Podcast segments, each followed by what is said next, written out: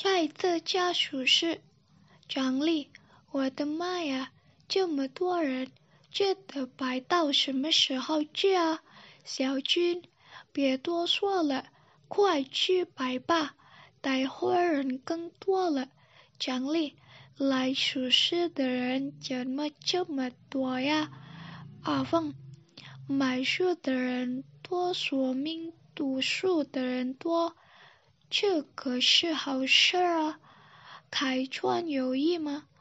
我倒是希望买书的人比上饭店买时装的人多。张丽，听你的口气，你对书很有感情啊。阿峰，你算是说绝了。我这个人啊，你不爱抽烟，二不爱喝酒。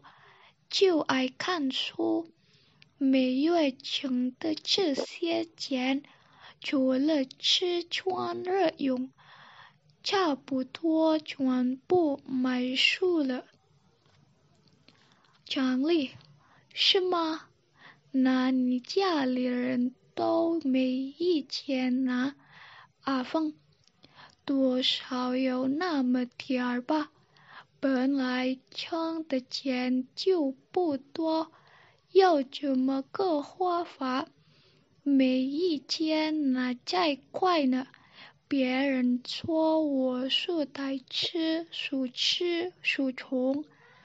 强力对喜欢书的人来说，读书是一种享受，哪儿还想得了那么多？阿凤，真没想到今天在这儿碰上了一个自己，还是个外国人。小军，今天不是周末，怎么还这么多人呢？你们都不上班吗？阿凤，大家说是一年就办这么一两次。谁不想早点来看看呢？